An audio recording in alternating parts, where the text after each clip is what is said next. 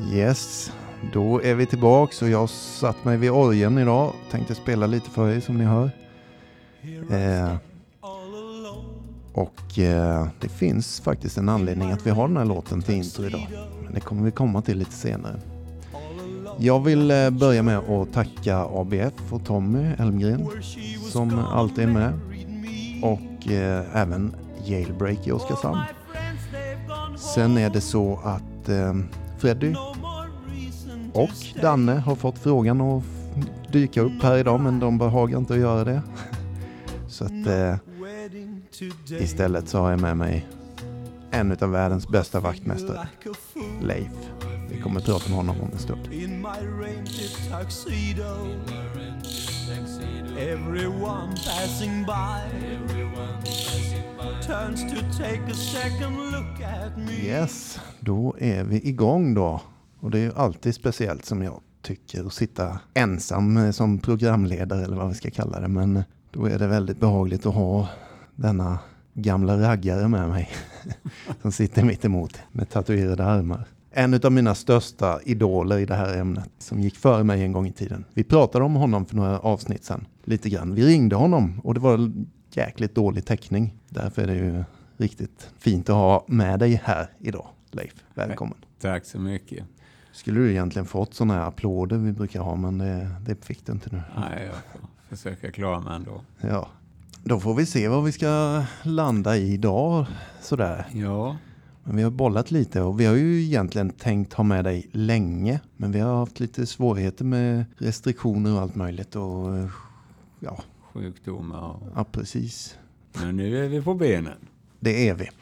Vi har alltså en av de första människor jag eh, träffade på i mitt liv som berättade om sitt liv och sin livshistoria eh, i den här problematiken. Som hade det där som vi brukar prata om, som hade någonting i ögonen som jag ville ha.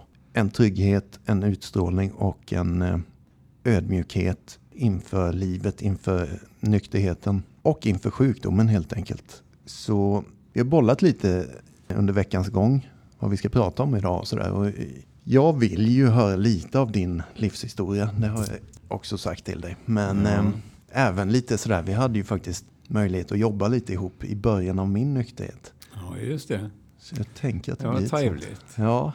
Vi hade mycket roligt där. Vi hade likadana kläder. Ja, Glasögon likadana svarta. Ja, just och sen det. hade vi Ramona-kepsar. Just det, det hade vi. Det var väldigt häftigt. Fast jag var dubbelt så gammal som dig.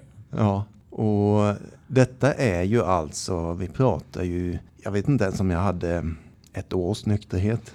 Nej, Knappt. knappt. Där Ja. någonstans i alla fall, säg tio månader möjligtvis. Ja. Och eh, självförtroendet under skorna någonstans fortfarande, tror jag. Bestämt. Precis. Och jag hade lite längre än nykterhet. Och jag, kanske det du såg i ögonen, de hade ju slutat vara blodsprängda då. Det Ja, var väl det du såg kanske. så var det förmodligen. Ja. Det var något som inte gick ihop med din historia i alla fall.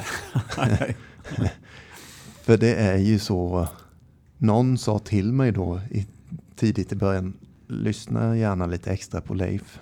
Där har du, han har alltså gått från vägarnas buse nummer ett och sjöman och allt möjligt vad du nu har gjort till Ja. den här strålande personen liksom. Det, det är något att lyssna på. Ja. Fick du lite cred? ja, det var härligt att höra. Jag sträcker på mig här. Så. Mm. Det var ju väldigt roligt när ni kom in. Det, Mm. Jag tror jag har sagt det förut. Att, eh, för jag var eh, 38 år när jag hittade till gemenskapen och, och jag var bland de yngsta.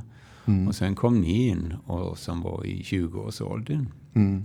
Och, ehm, alltså, när jag tittar bakåt på mitt liv Mm. så var jag fast i alkoholen när jag var i 20-årsåldern. Men eh, jag hittade ju inte ur det förrän jag var 38 då. Mm. Och jag såg mycket mig själv i. Och det här att man inte visste. Jag vet att jag är alkoholist, men vad fan ska jag göra åt det? Jag kan inte vara utan alkohol liksom. Mm. Det är absolut, känner jag igen mig i. Mm. Hur fan ska jag ta mig ur det här? Det går ju inte. Jag försöker ju, varje vecka försökte jag. Ja, precis. eh, och ge fan i det, men det gick inte. Nej, måndagen, aldrig mer. Tisdagen, ja då börjar man tumma lite. Onsdagen, torsdagen, ja jag får nog lov att handla lite. Mm. De veckorna när man inte drack varje dag. Men- På slutet drack jag med klockan liksom. Ja. Jag får inte dricka mer nu för då kan jag inte jobba imorgon. Mm. Men jag drack varje dag. Men om vi, om vi skruvar tillbaka klockan då lite. Alltså Vi kan, skriva, klassiska frågan. vi kan skriva tillbaka den väldigt mycket. Ja, När jag var 13 år tog jag första fyllan precis. ihop med grannpojken. Mm. Hans föräldrar var bortresta och vi var upp barskåpet. Mhm. Och hans mamma jobbade på forskningsstationen i Skogsby. Och de har ju 96 där och lägger insekter och grejer i. Och där hade hon ju tagit hem och gjorde sådana fina likörer och grejer. Jaha, ja. just det. Och, eh, vi var ju 96 procent sprit. 96 helt enkelt. procent i sprit. Mm. Och, eh, vi skulle ju dricka kaffegök. Och då lägger man en sockerbit i botten. Och så häller man på kaffet till man inte ser sockerbiten. Och så häller man på sprit till man ser den. Mhm. Och det var lite lurigt med 96 procentigt. Alltså, jag eh, trillade i trädgården och låg där. Och, alltså, det var en sån häftig känsla på något sätt. Så efteråt nu när jag blivit nykter så fattar jag att varje gång jag drack så var jag ute efter den här känslan. Mm. Och släppt allt liksom. Och grannpojken han låg kvar i sina spyor när hans föräldrar kom hem dagen efter. Där började det på något sätt. Och sen eh, ja, fortsatte det bli bara värre och värre. När jag var 19 gick jag ut på sjön. Och då öppnade sig ännu en värld. Mm. Jag fick ju inte ens gå på bolaget här hemma. Men där fick jag köpa hur mycket som helst. Just det, i andra länder då eller? Nej, på båten. Jaha, jaha. Jag jobbade ju som kock. ja. Mhm. Och då får man ju slabb kallas det ju. Mhm. Va- Vad är slabb nu då? Det låter... Ja, det, var, det är personalpris idag. Mhm. Så jag tror vi gav 8 kronor för en hel flaska vodka och 10 för en flaska whisky och 10 för en limpa cigaretter. Mm. Och eh, jobbar man i köket så jobbar man ju ihop med dem som hade hand om slabben. Mm. Och då fick de kanske en oxfilébiff på kvällen så fick vi handla hur mycket vi ville. Annars så var det ju en halv flaska i veckan och två liter vin tror jag det var man fick köpa. Men för oss som jobbade i köket var det inga begränsningar. Och det tyckte man ju var jävligt bra på den tiden. Det är klart, det passade dig ganska visst. ypperligt. Ja, det passade mig så jävla fint. Jag jobbade 14 dagar och jag festade i 10 dagar. Mm. Sen åkte jag hem och var ledig i 14 dagar. Och då var man eh, ute på raggen Mm. och festade i 10 dagar. Mm. Och på den vägen var det i 10 år. Jag levde efter 3B brukar jag säga när jag var hemma i Alltså, land. 3B. Ja, Jaha. bilar, brudar och brännvin. och det tog hårt på en. Ja. Så eh, ja, efter eh, när jag var 29 år så bar de i land mig. Mm. Och så hamnade jag på psyket här i Kalmar. Och läkaren sa till mig där när jag berättade hur jag levde så sa han, ja Leif du är på väg att bli kronisk alkoholist. Mm. Jaha. Men han sa inte vad det innebar liksom. Du kan få antabus här. sa han, du, jag ser att du är en bra kille så att kommer du hit och tar antabus så kommer du att klara dig. Ja, jag gick och tog antabus där varje dag. Antabus, antabus, antabus. Och efter ett halvår så klättrade jag på väggarna för jag var så jävla sugen på ett rus. Mm. Alltså. Och jag försökte att köpa knark. Och som tur var så fick jag inte tag på något. Mm. Annars har man väl fastnat i det också. Mm. Men ehm, efter de här sex månaderna så slutade jag ta antabus och tänkte det att jag måste klara det själv. Mm. Men, men om jag avbryter lite där med Ja. knarket och det. För där, där kom jag på en sån grej på mig själv häromdagen. Att i behandling, när jag gick i behandling, mm, så, så slog det mig också. Alltså en bit in i behandlingen att kan man inte dricka alkohol så kan man ju ta något annat. ja exakt. Ja, Och så här eh, 17 år senare så är det ju en idiotisk idé. Men där och då var det, alltså det är inget... Jag tyckte att det var en ganska Smart, briljant idé. Ja. Man har ju suget. Ja. Jag hade ju suget jättelänge alltså. Och då visste jag ju ingenting annat ju. Mm. Så jag började ju dricka igen. Och mm.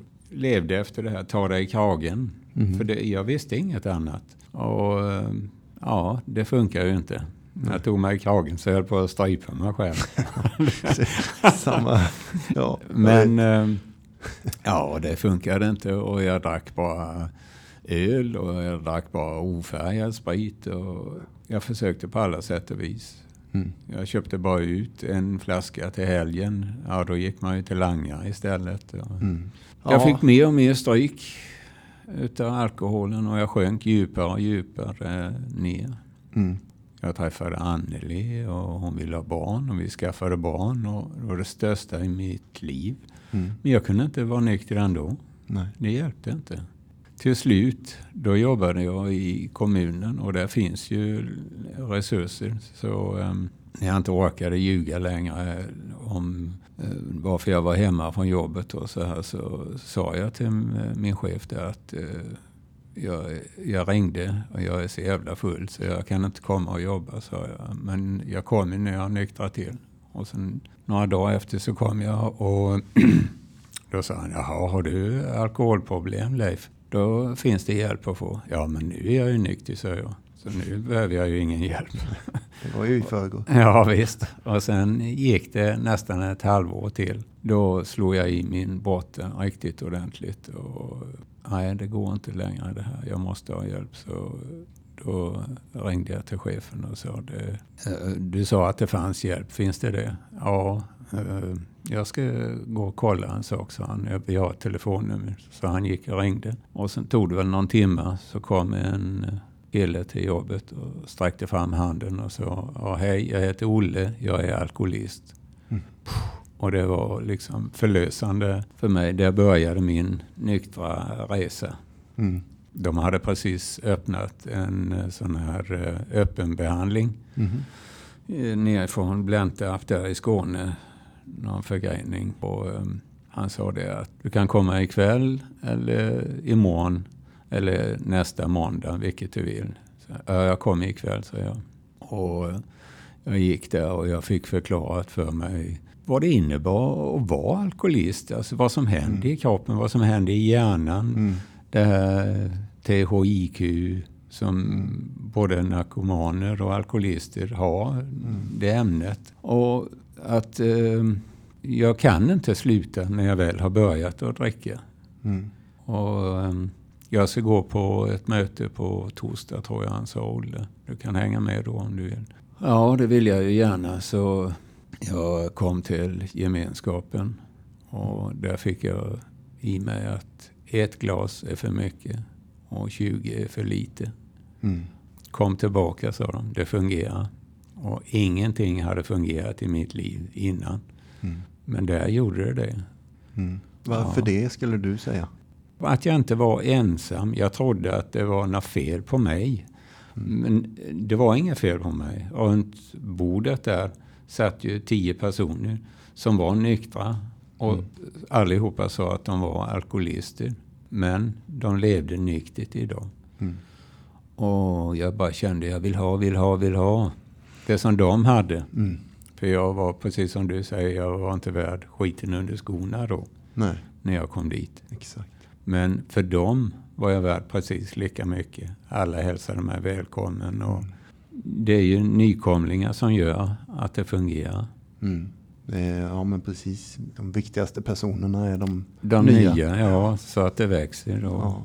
Nej men och jag känner igen det ju såklart. Att eh, äntligen några som vet vad de snackar om. Liksom. Ja, precis. Som inte säger ajabaja eller som säger... Ta dig i kragen. Ja, eller här har du antabus.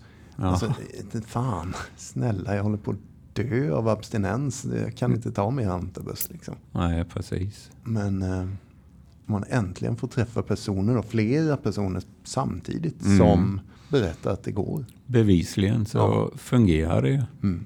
Och jag kände igen mig i deras historia. Ja. Du kände igen dig i deras antagligen. Ja, precis. Och precis som du säger att eh, det var någonting i ögonen. Jag slog ju följe på dem. Mm. Bengt till exempel. Mm. Ja, följ med ut här nu så nu ska vi åka ut och informera. Ja, ja, ja. Det var bara att hänga på. Mm. Just det, och det är då, för er som inte vet vad informera är, det är egentligen att göra, sprida tolvstegsgemenskapens eh, information. Mm. Att så här går det här till. Budskapet. Ja, så här funkar det. Och att man är välkommen om man känner att man behöver det. Kan man säga, sammanfatta det. Precis. Ehm, Och det var ju faktiskt så att det du säger nu är ju den första som var med mig att göra en sån här information så är det ju du. Var det i eh, Torsås? Yes. Och Danne var med. Ja. Vi har pratat om det i några avsnitt sen också. ja. Eh, Så jäkla skitnödiga var vi och nervösa. Men eh, ja, Ja, men det blev jättebra. ja det blev det. Ja. Vad minns du av det? Jag minns vad jag minns men Jag, jag vet att um, det var bland annat en tjej som kom och, och grät och hennes pappa var alkoholist. Och, Mhm, mm. och eh, hon kände ju igen allting som ni pratade om där ju. Just det. Ja, men det var, det var ju apropå det här med eh, att jag trodde att jag inte var värd skiten under skorna. Mm, mm. Det fick en slags måttstock eh, den dagen. När jag berättat om min historia. Inför, det var någon biosalong här för mig. Eller? Ja, någonting sånt. En liten sån här mini. Och efteråt sen då att det kommer fram sådana här människor som bara tackar uppriktigt från Ja, hjärtat. precis. Liksom. Och jag tänkte de slänger ju ut mig nu. Ja, jag står och berättar om det här liksom. Vad fan har jag åstadkommit? Jag har varit en börda för många människor och samhället och ja men du vet. Men där blev man bara genuint tackad. Mm. Ja, verkligen. Och omfamnad och applåder. Folk ställde sig upp liksom. Det var, det var viktigt.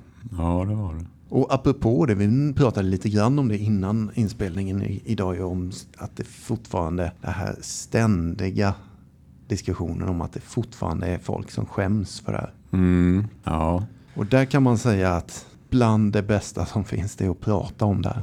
ja, det är det. Uppriktigt från hjärtat. För då, då går skammen sönder på något sätt. Vi har inte kommit så långt. I samhället än Nej, nej. Precis. Tyvärr. Man tittar på eh, amerikanska filmer. Eh, de säger det, ja men gå i programmet. Mm, just det. Det är naturligt. Ja, där är det ju nästan en hederssak. Eller alltså du blir klappad på ryggen om du säger I'm in the program. Ja, ja, Ja, fan vad bra respekt liksom. ja visst. Men här, nej absolut. Eh, Säg ingenting.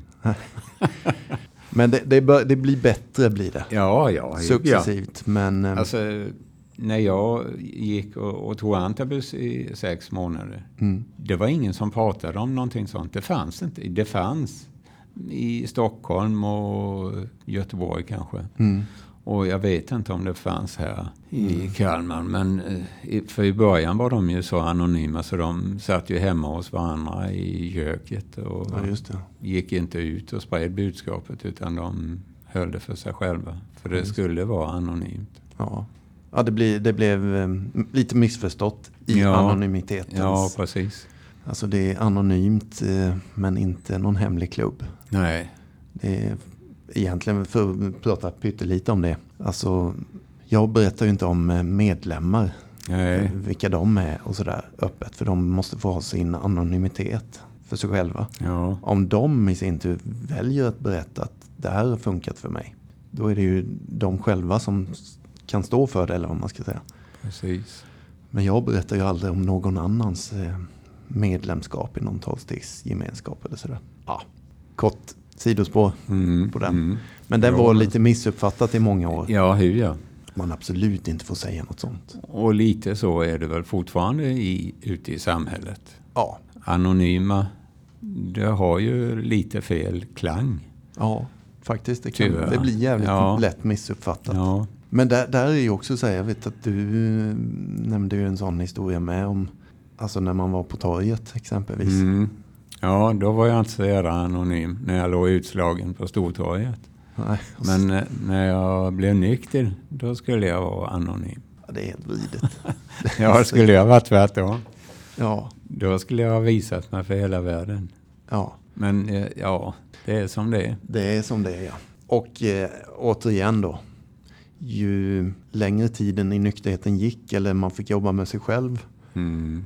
Så blir ju liksom ryggraden lite rakare för Ja, varje dag. ju, ja. Och man vågar plötsligt, eller jag ska prata för mig själv, se folk i ögonen igen. Mm. Och faktiskt vara lite stolt. ja, det var stort när man kunde göra det. Mm. Mm. Och som du säger, vi var ute och informerade. Mm. Och man kunde stå för det. Mm. Kraftfullt. Ja, verkligen. Jag behövde inte gå med böjt huvud längre och titta ner i marken. Nej, det, jag, det brukar jag säga med. Exakt det. Min vanligaste syn eh, som jag hade innan jag nyktrade till, det var mina skor. Ja, Alltså, jag, hela tiden. Så. Jag ville inte titta på folk. Och käkarna, jag hade ju träningsverk ja i käkmusklerna här bak. bet ihop som fan. Ja, och axlarna. Hela tiden beredd, spänd liksom. Alltså när, innan jag fick hjälp. Mm. Ja, visst. Någon form av stresspåslag i det. Och rädsla liksom att, för det ena och det andra. Ja. Sista åren jag drack, alltså, jag kommer inte ihåg vad jag gjorde från åtta på fredagskvällen till jag vaknade på söndagen. Mm. Och det är fruktansvärt. Mm. Ringde telefonen, vågade jag inte svara. Ringde det på dörren, höll jag på att skita ner mig. Mm. Är det snuten? Vad har jag gjort? Mm. Mm. Sådana tankar var det. Jag trodde ju inte att någon skulle komma och säga Hej Leif, vill du ha mat? Mm, nej. Utan man trodde ju det värsta. Ja, självklart. Ja, men det, det, det är liksom inte konstigt då att man går helt spänd och beredd. Mm. Ja visst. För när som helst kan någon komma och säga Fan vad du bad åt igår. Mm. Gjorde jag? Mm. Mm. Ja, nej men så är det. Men sen, sen eh, då fick du hjälp och så började du gå på lite möten. Ja. Och det är jag inte riktigt klar med. Hur länge hade du gått på möten innan eh, vi dök upp? ja. Jag började ju gå på möten när jag var 38. Jag var nog närmare 10 år någonting sånt där. Ja. Sen fyllde jag ju 50 Mm. när jag hade huset i Trekanten. Mm. Och då var ju ni där ute. Jag fick den här fina medaljen. Och den har du på dig fortfarande? Den har jag aldrig tagit av mig efter det. Oj, oj, oj. Och det är flera som har sagt det. "Vad- Går du och skryter med den att du är alkoholist? ja, men det är bara vi alkoholister som vet vad det betyder. Och Ja. de säger ingenting. Nej. Nej. Och sen är jag stolt över det också. Mm. Det var Det, det finaste jag kunde få. Men eh, då hade du varit med ett tag. Fast Nej, inte så jättelänge. Nej, inte länge. Nej. Det är nog kanske ett år Ja. på sin höjd. Så jag hade nog varit med en tio år där någonting. Mm. Mm. Det kan stämma, för du, ja, verkligen. Men då, bara för nyfikenhetens skull nu, vad ser du då, då när jag dyker upp? Nu är inte Danne här, men vad... Nej. Ja, det var ju två rädda killar som kom, vilsna. Ja, Men jag kände igen mycket av mig själv. just det. Alltså, och ja, då hade jag ju fått mycket och, och sträckt upp mig. Mm. Kunde se folk i ögonen. Och, och kunna dela med mig av det till er. Det var ju jättestort. Mm. Och det var ju, det var ju så, nu, nu ska inte det bli världens fjäskavsnitt här nu, men det, det är ju så. Det är, jag tror att alla som har kommit in på möten, de hittar så småningom några stycken som man ser upp till lite mer. Så är det Mm. nog i ett fotbollslag och det är så i ett eh, hockeylag och det är så även i tolvstegsgemenskaper tror jag. Och den var ju, det var ju superviktig. Och så var det Bosse och så var det Inge som Mm. jag också har pratat med. Men, och några till där som, som du säger med, som vi tog rygg på. Liksom, det Ja, här, visst. det här. Eh, men dessutom då så fick jag ju möjligheten att eh, för jag, jag, jag hade ju inget jobb. Jag var arbetslös, jag hade skulder, jag var liksom jag gick på SOS-bidrag och alltså hade en eh, lägenhet från SOS eh, som de hade nyckel till 24-7. Jaha. Som eh, jag fick lämna prover liksom varje fredag om jag var nykter och drogfri. För att få behålla den här lägenheten överhuvudtaget. Mm. Det var dealen. Det var ungefär som när jag gick och tog antabus. Mm, Jag fick vara sjukskriven om jag tog min antabus. just det. Du fick lägenhet om du lämnade prover på att du var Mm, nykter och drogfri. mm, Men du blir ju inte hjälpt av det. Nej, utan... Nej. Eh, eller, fast det ska sägas att i den här dealen så ingick det också att eh, jag genomförde den här behandlingen. Behandlingen, ja. ja. Så att jo, ja, jag fick ja det det. blev det ju. Ja. Ja. Eh, Och det var, det var ett bra upplägg tycker jag. Så att, eh, Mm. jag är jäkligt tacksam SOS Ja. i det läget. Ja. Även om jag inte tyckte det alla gånger då. Då, nej. nej. Men eh, de var ju så snåla. Man fick ju bara till mat och husrum ungefär. Ja, fast, Ja. alltså så, så långt hade jag kommit då med mitt ego. ja, precis. Men eh, det jag skulle säga var ju att jag fick chansen så småningom ja, att börja jobba med dig i, Ja, just det. På ett sjukhem i Smedby Mm. som vaktmästare. Det pratade vi lite om förut också. Ja, vi hade mycket roligt där. Det var ju skitroligt. Det, Vi klädde oss i likadana kläder hade likadana glasögon och så hade vi ja, Ramona-kepsar. ja, just det. Just det. Och vi, vi, det har vi. Vi spred budskapet lite också där. Ja, det gjorde vi. Smyg. Så. Det var så jäkla roligt. Och vi satt ju i den här verkstaden vi hade där då varje Mm. morgon. Det var ganska tidigt vi började. Jag för Vi började vid sju va? Nej, Eller det började var- vi halv sju? Ja, 6.30 var vi där. 6.30. Det var ju omänskligt för mig i Ja, det läget jag var i. Men eh, jag gav mig fan på det. Och så satt vi där varje dag och så läste vi dagliga reflektioner som den Ja, litteraturen heter. Innan vi gick ut och jobbade. Ja. Så tog vi vårt dagliga beslut eh, om att vara nykter tills vi går och lägger oss. Det var skithäftigt alltså. Ja. Ja. Och, och, och för mig också att se någon med så lång nykterhet verkligen göra det. Mm. Att det inte bara var något skitsnack snack. som Nej, någon sa att så här gör man eller bör man göra. Det är ju valfritt givetvis. Mm. Men eh, det återkommer i det här med att de som hade den där glimten i ögonen eller det där som jag ville ha. De höll sig ju till de här förhållningssättet eller vad vi ska Mm. kalla det. Ja. Och, och faktiskt tog det på allvar. Att eh, det är en dag i taget som gäller. Jag kan inte vara nykter imorgon. Nej, precis. Just nu. Nej. Jag kan bara vara nykter nu. Och så vidare. Men det var, det var ju häftigt. Den Ja. här, jag har berättat om det tidigt i podden. Jag har berättat om den här lappen som eh, du hade fått någon dag. Som vi satte upp på alla avdelningar. Kommer du ihåg det? Ja, med att bjuda på ett leende va? Exakt. Ja. Skithäftigt. Plus att jag kände ju en person, eh, jag känner en person som jobbade inom kommunen på, på eh, helt annan ställe då, inne i Kalmar. Och då ha- hade vi här intrapost, eller vad hette det?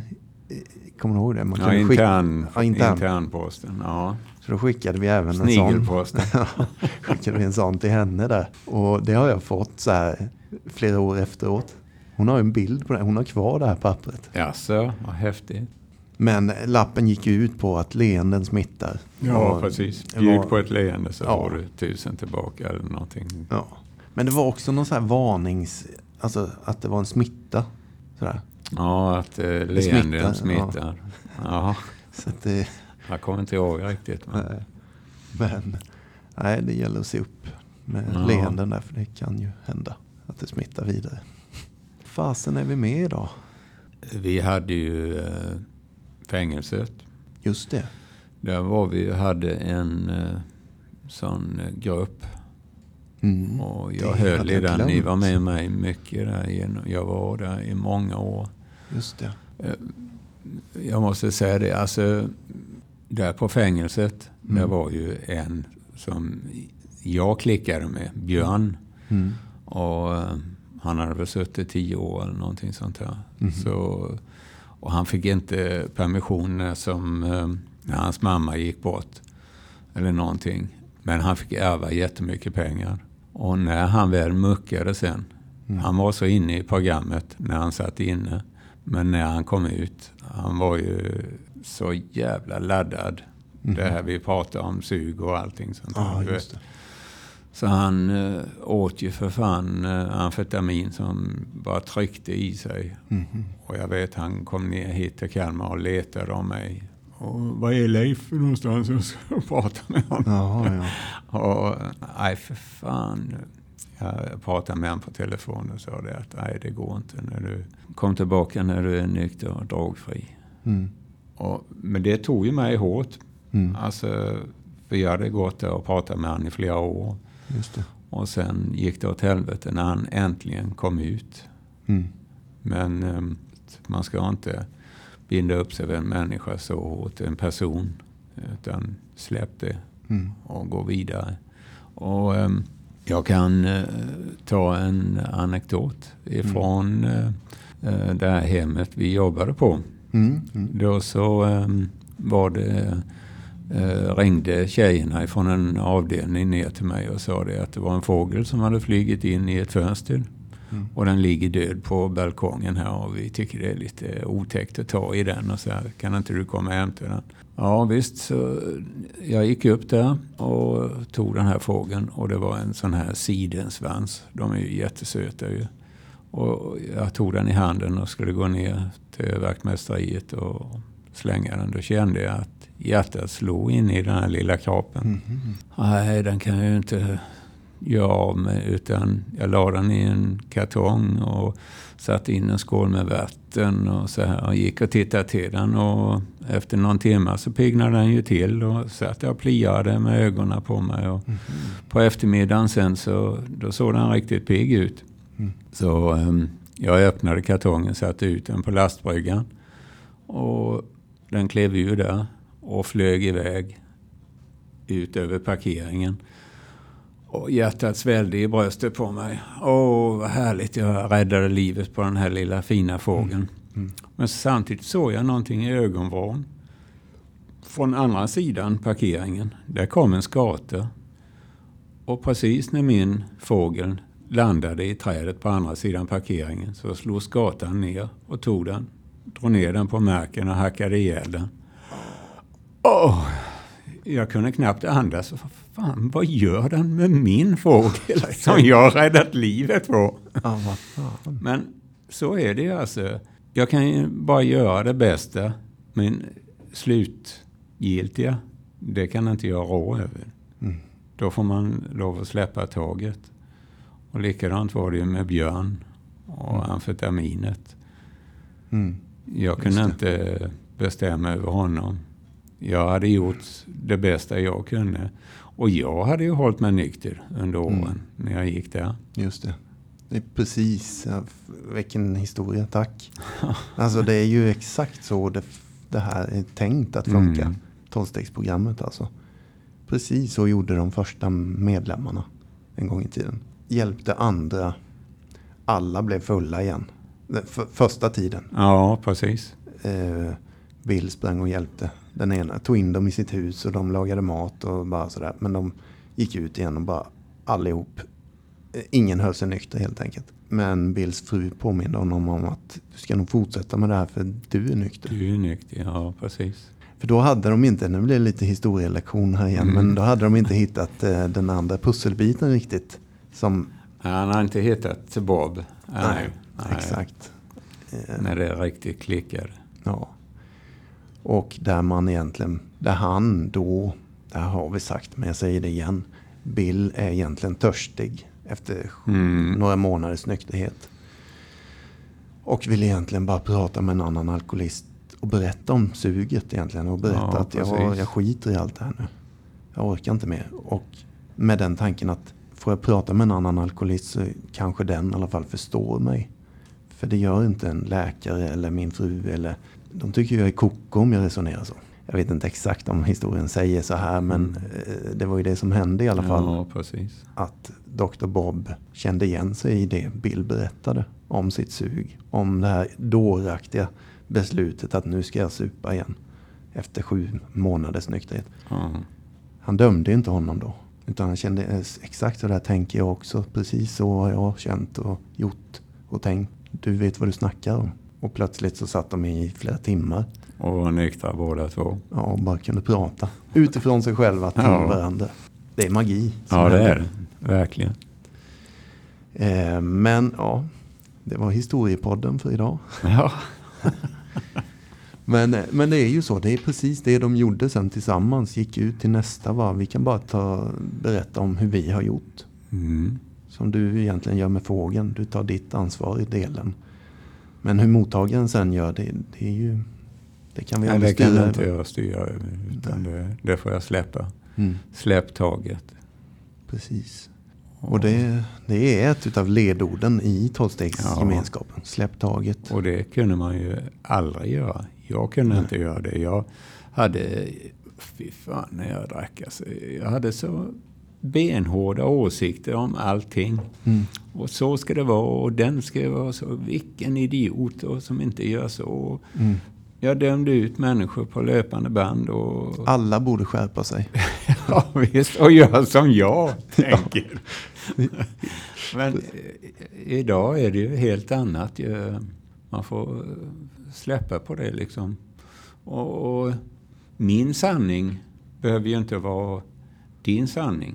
Men eh, de som inte hade samma åsikter som jag hade, Mm, de kunde ju dra åt helvete. mm, Men så är det ju inte. Idag eh, har jag lärt mig att om, en annan människa tänker, det är ju dens sanning Mm. och den får jag respektera.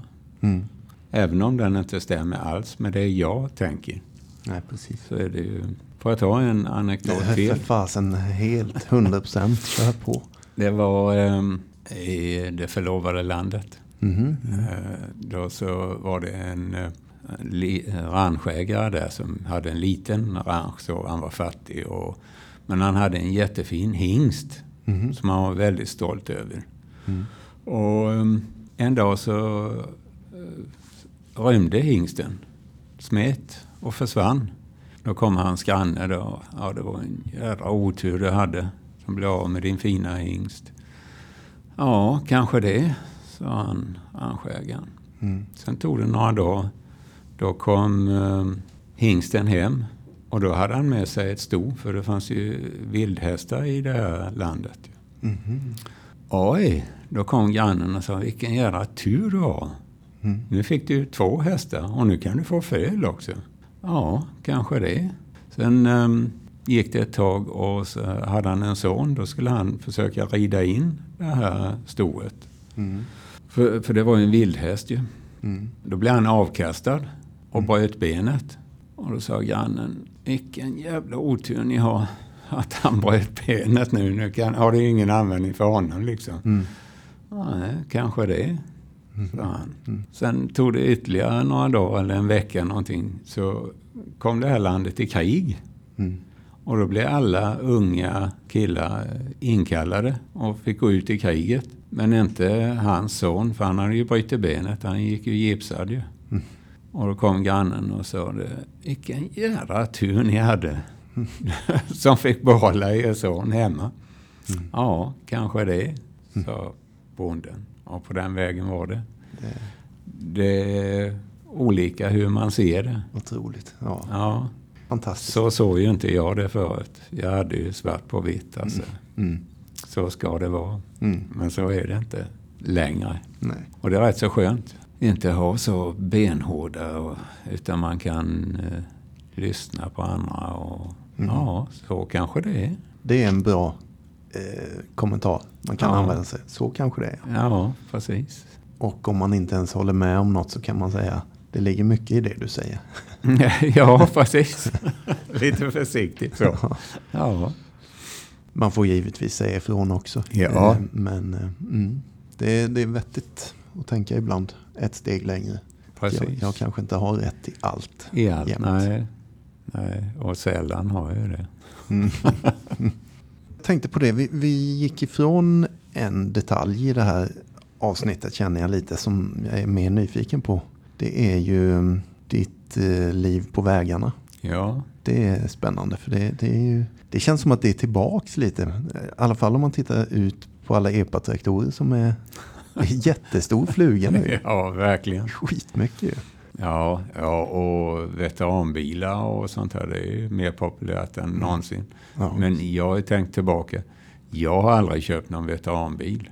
Nej. Jag har ju haft Impala 59, men den var ju inte veteranbil när jag köpte den. Den var helt aktuell Ja. då. Ja. Just det.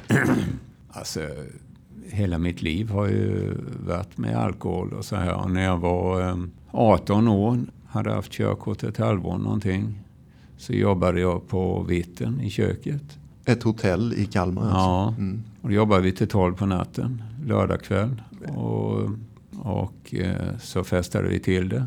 Och så visste jag att eh, kompisarna hade fest på Öland. Så vid fem på morgonen satte jag mig i bilen och körde över till Öland. Och eh, körde i diket och voltade med bilen. Mm. Då var jag nästan framme hos mina kompisar där och de var ju bönder. Så jag gick och, och väckte upp kompisen och sa till honom, fan jag har våldtagit med bilen här. Ja men vi hämtade den, han startade upp traktorn och vi välte runt bilen och släpade bort den. Mm. Och en stund efter så hade polisen kommit till platsen. Och, men då släppte de det. Och vi kan inget göra nu, bilen är ju borta. För det var någon som hade ringt mm. och anmält det. Mm. Och I alla fall så um, hjälpte brorsan mig och vi spacklade upp den här bilen med plastikpadding. Mm. Så lackade jag den hela, kostade 300 spänn på den tiden. Mm. Sen körde vi upp till Stockholm med den. Mm köpte den häftigaste bilen de hade där uppe. Pontiac GTO Cabriolet 68. 360 hästar under huven. Oh, fy, fy fan.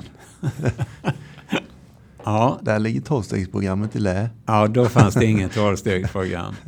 Och ähm, ja, sen började ju livet med, som jag sa till dig, med 3B. Mm. Bilar, brudar och brännvin. Just det. Jag, jag var ju till sjöss, så jag jobbade 14 dagar. Och då festade jag på sjön mm. i 10 dagar. Mm. Och sen nyktrade till så jag tog mig hem och sen var jag hemma i 14 dagar. Och då festade jag i 10 dagar. Just det, för då var du ledig. I bilarna. Ja, visst. Och jag hade till och med matpengar när jag var hemma. Så jag, jag, hade ju hela månadslönen att bränna på 14 dagar. Plus att jag fick extra pengar. Mm. Så då levde man hårt. Mm, just det. Och jag brukar säga det att jag brände ljuset i båda ändar på den tiden. Mm. Levde dubbelliv liksom. Just det. Och det höll i tio år ungefär. Så bad de ju i land mig från båten. Men jag vet ju att du också, det var väl någon kärlek där. Dels fick du ju barn med en kvinna men det fanns ja. också en till där. Ehm, min eh, nuvarande fru.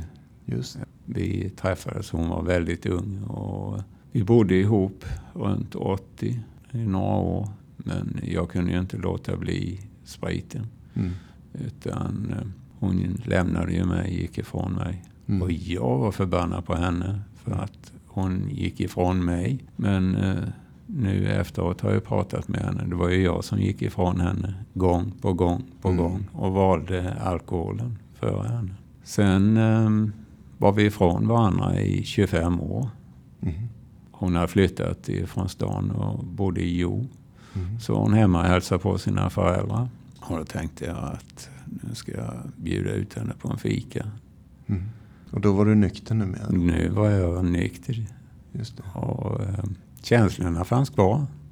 Det är det. Lite häftigt. Det är det. Och efter ett tag så flyttade hon ner till mig. Flyttade mm. ihop gifte vi oss och mm. lever tillsammans nu. Fantastiskt. Det fina med det hela, hon är inte alkoholist eller någonting. Nej. Men hon valde att bli nykter och vara nykter, leva nykter. Mm. För att jag skulle också leva nykter. Mm. Och det tror jag är väldigt viktigt. För jag är alkoholist. Jag kommer alltid att vara alkoholist. Och ibland gör jag sjömansbiff och sånt här. Och då köper jag hem en öl och ställer den i kylskåpet. Mm.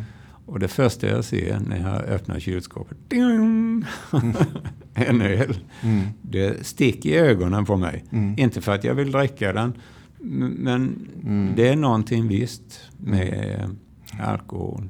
Jag är väldigt tacksam att hon valde att vara nykter. Och mm. därför lever vi ett fint liv tillsammans. Men den här, jag som inte jag är jag erkänner en av mina brister är matkunskap. Ja. Den här ölen har man till den mat, Jaha, alltså i maten då? Sjömansbiff, ja det ja. har man. Det är skivad potatis, lök och sen eh, öl. Mm -hmm. Mm. Så man kokar det i med en biff. Just det. Och då försvinner alkoholen. Ja, det gör den ju. Men eh, det blir en viss smak av öl. Så man, Just det. Jag är ju sådär, jag är ju fjantig med sånt. Jag tycker det är svårt att äta sånt då, eller sådär. Ibland gör jag det för jag vet ju att det kan man. Eftersom Mm, det kokar ja. bort alkoholen och allt det där. Eh, Men så här, rödvinssåser eller sånt där. Ibland så bara, men okej, jag, jag tar det. Mm. Det är ju inga problem. Men eh, jag är faktiskt, jag är lite fjantig med det där. Ja, jag äter ju inte eh, likörpraliner till exempel. Nej, Det finns ingen anledning. nej. Nej, det, är- det är en sån där klassisk liten jäkla Mm. Ja. farlig fälla faktiskt. Ja, jag tror det. Det är det. Och det finns ingen anledning Nej. att ta det. Nej, nej, nej. Ja, det är om det. Sen är det ju... Eh, jag har ett annat minne, Leif, om... Eh, vi var ju väldigt engagerade, många av oss. Eh, du och jag och Danne och några till i, Ja. i tolvstegssammanhang. Och vi i, i hjälp med en präst i domkyrkan i Kalmar. Ja, Eller något det. sånt där. Vi drog igång sinnesro gudstjänster, heter det. Ja, Och där vill jag minnas att då, då kommer det ofta, då, det här pågår ju runt om i hela världen, sinnesrogudstjänster. Då. mm. Och i tolvstegssammanhang så sinnesrobönen finns ju en bön ja som är det. väldigt viktig då. Men därav så är ju ofta medlemmar från tolvstegsrörelsen inbjudna till kyrkor runt om i världen och prata om sin syn kanske på ordet Gud. Ja. Eh, eller sin historia överhuvudtaget. Vad är det som har hänt och så vidare. Och det vill jag minnas att du var först ut och pratade i kyrkan där då. Ja, just det. Det stämmer. Och det var jävligt mäktigt kommer jag ihåg. Ja, ja, det var väldigt mäktigt för mig också att stå i, i domkyrkan. Liksom det Guds hus. Just det. Och, och få vara talare där. Och du är kristen va? Ja, Ja det är du. ja, Det är ju upp till alla var en vad man vill. ja precis. Men så då kan jag tänka mig att det var ännu tyngre för dig att få stå ja, där. ja, det var det verkligen. Mm. Jag är ödmjuk inför Gud Mm. och, och få stå i hans hus. Det är Mm. riktigt maffigt. Men nervöst. Jag minns det så väl faktiskt. För då satt jag och lyssnade. Det här spännande. Leif är liksom solen själv. Liksom. Ska han prata i kyrkan? Det är skithäftigt var det för mig där, där och då. Ja, Och då minns jag exakt dina första ord i den här mikrofonen där. Gud, vad jag är nervös, sa du. gjorde jag det? Ja. ja, det är så jäkla typiskt dig.